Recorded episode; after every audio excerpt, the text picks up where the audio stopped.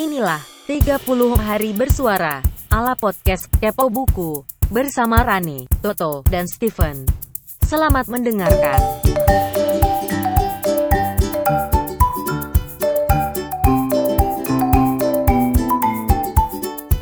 Halo, ini Rane lagi di hari ke-23 dari 30 hari bersuara ala Kepo Buku dan hari ini kata kuncinya adalah persinggahan.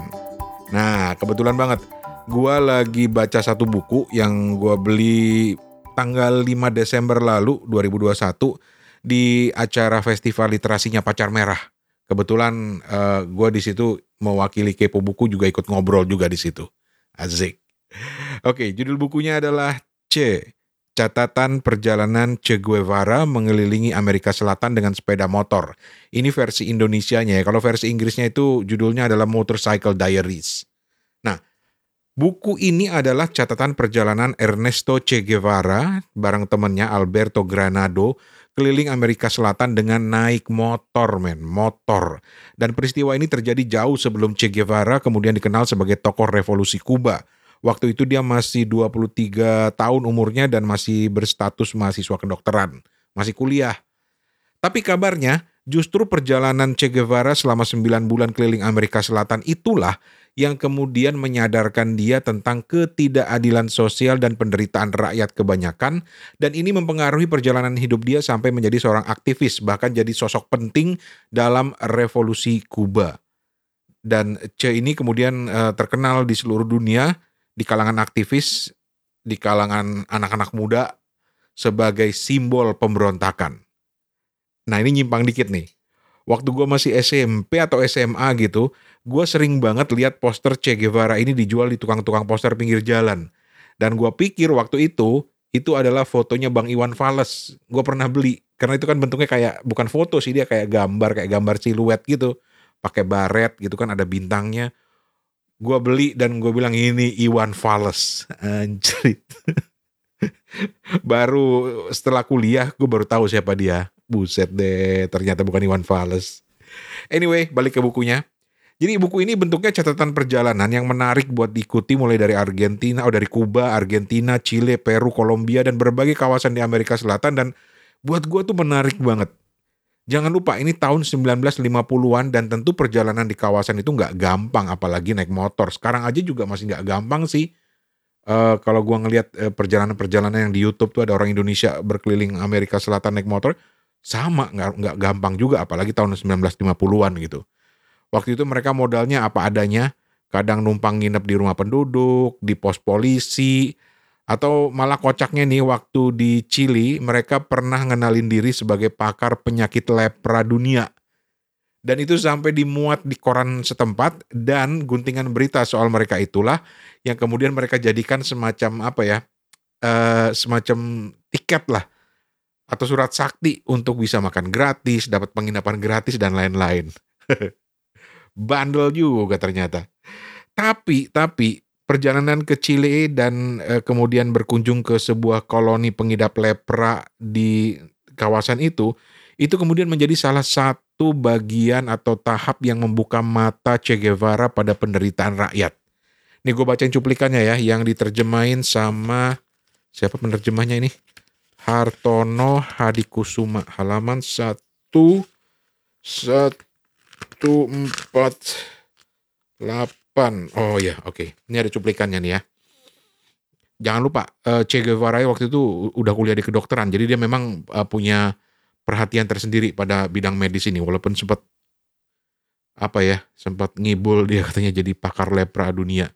Oke, ini catatannya di halaman 1 oh 149, sorry. Oke. Kami memasuki kamar yang beratap rumbia, langit-langit papan dan lantai tanah. Seorang gadis berkulit uh, terang sedang membaca sepupuku Basilio tulisan Queiros. Queiros. Selagi kami berbincang, gadis itu mulai menangis dengan sedih dan berkata bahwa hidupnya penuh cobaan. Gadis malang ini berasal dari daerah Amazon dan telah pergi ke Cusco di mana mereka mendiagnosis penyakitnya dan berkata bahwa mereka akan mengirimkannya ke suatu tempat yang lebih baik untuk disembuhkan. Meski rumah sakit di Cusco itu buruk sekali, tapi masih ada sedikit kenyamanan. Aku pikir kata cobaan untuk menyebut eh, kasus gadis itu tepat sekali. Satu-satunya hal yang baik di rumah sakit itu adalah pemberian obat. Sedang lainnya hanya bisa ditanggungkan oleh orang yang pasrah terhadap kematian, watak pasrah orang-orang Indian pegunungan Peru. Kebodohan penduduk setempat hanya memperburuk keadaan lagi bagi para pasien dan staf medis. Salah satu dari mereka bercerita bahwa dokter bedah di klinik itu hanya melakukan operasi yang terlalu gawat untuk dilakukan di meja dapur tanpa perlengkapan bedah.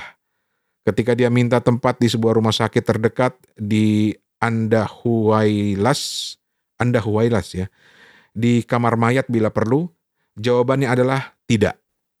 Jadi pasien ini tidak memperoleh eh, pengobatan dan mati. Ini menarik uh, cuplikan ini karena ini yang salah satu kemudian menjadi perhatian uh, Che Guevara ya sebagai seorang mahasiswa kedokteran dan juga menunjukkan betapa dia peduli sekali dengan dengan apa ya penderitaan rakyat ketika itu. Nah, banyak hal menarik dari catatan perjalanan seorang Che Guevara ini, terutama juga karena diceritakan dari sudut pandang aku, si Che Guevara-nya sendiri. Gue ngebayangnya begitu. Jadi dia kayak menulis uh, catatan perjalanan, setiap dia singgah di tempat-tempat tertentu, dia mulai melanjutkan dengan menulis catatan perjalanan, terus lanjut lagi. Jadi itu yang gue bayangin gitu. Dan ini nggak berat juga bukan karena hanya dia pakai motor butut dan uh, rute-rute perjalanannya juga jelek, tapi juga karena Che Guevara ini sering kumat asmanya. Dia penderita asma berat ternyata. Itu gue juga baru tahu tuh fakta dari uh, Che Guevara yang satu itu. Uh, dan ya catatannya ini jadi kayak percik-percik perjalanan gitu. Ngingetin gue sama sama ini uh, catatan seorang demonstrannya Sohogi ya walaupun nggak apple to apple ya Sohogi itu lebih kepada catatan harian kalau uh, Che Guevara ini lebih kepada catatan perjalanan tapi ya ngingetin gue sekilas gitu karena gue suka banget buku-buku yang ditulis dari sudut pandang catatan harian atau ya catatan perjalanan seperti ini gitu.